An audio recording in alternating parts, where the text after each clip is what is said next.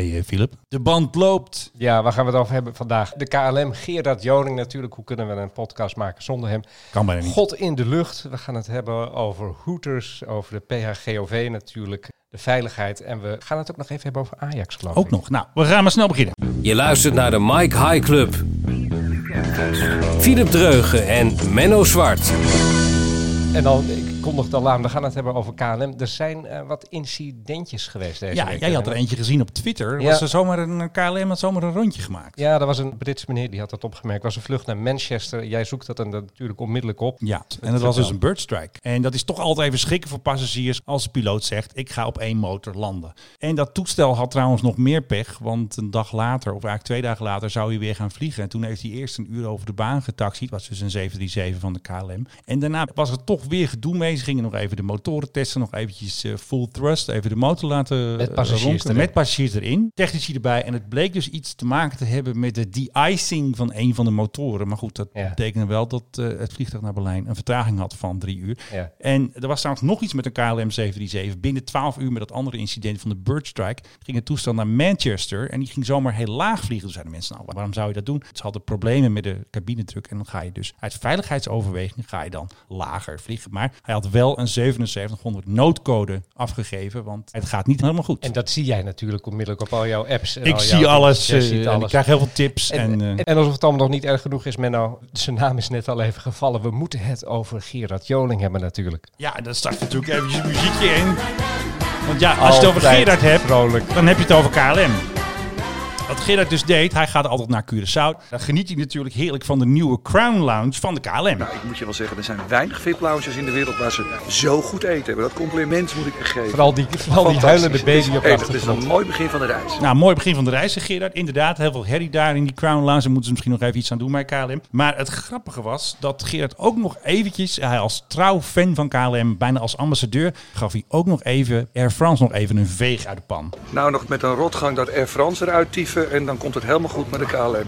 Ja, dus Gerard wil eigenlijk gewoon dat KLM zelfstandig wordt. Ja, de Gerard weet er natuurlijk alles van. Tuurlijk, hij is daar overal expert in. Hij zit al heel vaak bij Jinek en zo, dus dan zal ik dit ook misschien wel een keer roepen. Denk ik.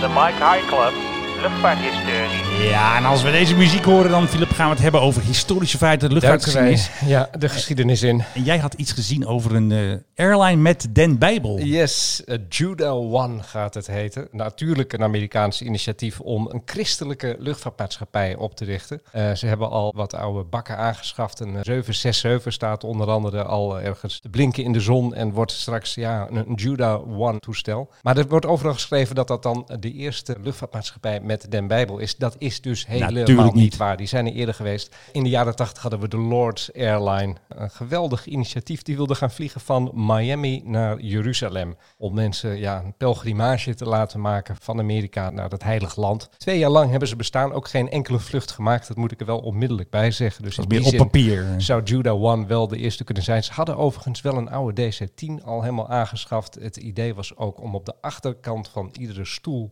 de 10 geboden af te drukken. Terwijl je aan het reizen was, kon je nog even weer verdiepen in die 10 geboden. Mocht je ze nog niet kennen. Ja, het, het hoort een beetje bij Amerika van die gekke thematische luchtvaartmaatschappijen in de loop der tijden. We hebben gehad Hooters. Hè, bekend van eh, de, de dames met Stripclubs. zullen we maar zeggen, de grote voorgevels, die gingen op een gegeven moment ook vliegen. Hebben ze wel geteld drie jaar lang volgehouden. Playboy heeft zijn eigen airline gehad. Je hebt een casino in de lucht gehad, Casino Express. Maar de allermooiste vind ik toch wel Smokers Express. Dan mocht je gewoon roken. Het werd op een gegeven moment steeds moeilijker om te roken aan boord van vliegtuigen. Ja. Steeds meer maatschappijen die eh schaften het helemaal af of beperkten het tot echt een paar stoelen achterin. En Smokers Express die zei van, ja, Ambehoela, wij gaan gewoon, iedereen mag roken aan boord. Dus steek hem lekker op terwijl je aan het vliegen bent. Maar ja, het aantal rokers nam natuurlijk af. De doelgroep werd steeds kleiner. Dus wat dat betreft, ook dat initiatief was eh, een kort leven beschoren. Ja, straks krijgen we nog luchtvaartmaatschappijen speciaal voor vegetariërs. Ja, nou ja, bij, bij de meeste maatschappijen kun je dat natuurlijk gewoon al bestellen. En ook Ja. als je bijvoorbeeld kosher wil eten of andere spijswetten moet volgen, dan kan dat gewoon. Een heleboel maatschappijen zijn al heel erg gevoelig voor religieuze gevoelens van mensen. Ik heb ooit eens met Biman Bangladesh Airline gevlogen. Ook dat heb ik overleefd. En daar begon de vlucht met een gebed voor de reizenden. Dat werd ook op de video, werd ondertussen werd Mekka getoond. En de mullah die kwam eh, langs en die, die zong zo'n zo'n prachtig Arabisch gebed. eh, met daarin onder andere de zin, er was ondertiteling in het Engels eh, in die video. Mochten wij tijdens deze reis gaan sterven, neem ons dan gelijk op in de hemel of zoiets dergelijks. Dus religie en vliegen, het hoort gewoon bij elkaar. Ja, we hebben ook nog Erwopke, geloof ik. Hotel Golf Oscar Victor. En dan is het nu de hoogste tijd voor Hé, hey, waar is de PH? Ja, het is weer de hoogste tijd. Oscar Victor, one is left echo 5, clear for takeoff. Ja, en Philip, het is een beetje leuk te vertellen dat we een reactie hebben gehad van eh Er Wopke himself, eh, Wopke Hoekstra. Die had Ja. gezien dat we iets hadden gezegd over dat Vrij Nederland per ongeluk een Fokker 737 had benoemd in het eh, papieren blad. Wopke zei ook nog even dat het verbeterd was in de digitale versie van het artikel. Want dat was Kijk. natuurlijk zijn showartikel hè, als kroonprint, zo van hij moest goed eh, overkomen. Dus Wopke volgt ons, hij weet waar we zijn. Ik voel lichtelijk verontrust eh, ineens. Maar goed, nu we het toch over de PHGOV hebben, hij komt op televisie. hey, de PHGOV komt op tv. Heb ik dat goed begrepen? Ja, dat is eh, dinsdag bij SBS 6 in het programma De 25. Een hele goede avond en welkom bij een speciale aflevering van de 25. Ja, dat is ook echt een speciale aflevering, want dat gaat namelijk over de Oranjes. De 25 meest onvergetelijke momenten van de Oranjes. Ik hoop die hele titel in één keer goed zeg. Zeg maar, hoe kom, hoe kom je aan dat fragmentje over? Ja, dat heb ik ergens vandaag. Het gaat dus ook over vliegtuigen, want we hebben een item gemaakt. Ik moet toch er even bij zeggen dat ik het programma zelf mede heb gemaakt als eindredacteur. Ze zijn de bekendste en meest geliefde familie van ons land. Leven de koning! De 25 meest onvergetelijke momenten van de Oranjes. Dinsdag om half negen bij SBS 6. Hey, en dan ga jij iets roepen ook als regeringsvliegtuig. Ja, ik, heb, eh, ik mocht dat zelf uitzoeken, dus dat was wel leuk. Dus ik dacht, nou, die moeten we hebben, die man. En toen dacht ik, nou, hij kon ook nog. Ik kon mezelf helaas niet eh, interviewen. Fabienne Robben heeft mij hele slimme vragen gesteld. En ik geef eh, inderdaad wat commentaar over de koning als piloot. Dus eh, Ja. hartstikke leuk. En ben je een beetje lief voor hem, Menno? Ja, natuurlijk alleen maar positief. Want het hele programma is alleen maar positief. Er zitten alleen maar leuke items in. Ja. Even over die koning als piloot. Wij willen Ja. natuurlijk ook wel heel erg graag weten wanneer hij vliegt. Hè? Als hij wij, dus- wij ja. horen het altijd achteraf, maar als We mensen willen heel nou graag weten, weten. vandaag doet hij die en die vlucht door KLM. Als mensen de koning zien als gastpiloot, willen we dat heel graag weten. En dan kunt u ons mailen, want tegenwoordig hebben we ook, ja, we zijn heel modern hier. We hebben een mailadres. En dan kunt u een mailtje sturen naar captains, meervoud, at themikehighclub.nl. Ja, dat is echt zo. Oh. Wij zijn de captains, dus Prachtig. captains Ja. at themikehighclub.nl. En enige bescheidenheid is ons totaal. En zelfspot zijn we ook goed in. De Mike High Club WOP Update. En Menno, hoe zit het eigenlijk met waar we het twee weken geleden over hadden? Het WOPje, de wet openbaarheid van bestuur, waar wij wat gegevens uit hebben gekregen. Ja, we waren er heel snel bij. We hadden hem gewoon al zelf al gezien. Maar het blijkt dus dat één vandaag. Heeft de WOP dus aangevraagd. Jan Salden van één Vandaag. En die heeft allerlei vragen gesteld over de kosten van tijdelijk regeringstoestel. De kop van zijn artikel wordt eh, 15 miljoen heeft het tijdelijke regeringstoestel gekost. Hij is ongeveer anderhalf jaar eh, gehuurd. Niet zo gek overigens, want ja, nu geven we ook ongeveer 9 miljoen per jaar uit aan de PHGOV's. Die kosten zijn niet gek. We hebben dat dus gezien omdat één Vandaag had heel kort een artikel online. Ja, en wij zien alles. Het stond maar een minuutje online, maar we hebben hem er toch even vanaf gevist. Of althans de kop. Dus Jan, eh, succes met het schrijven van je artikel. We houden je in de gaten. Je luistert naar de Mike High Club.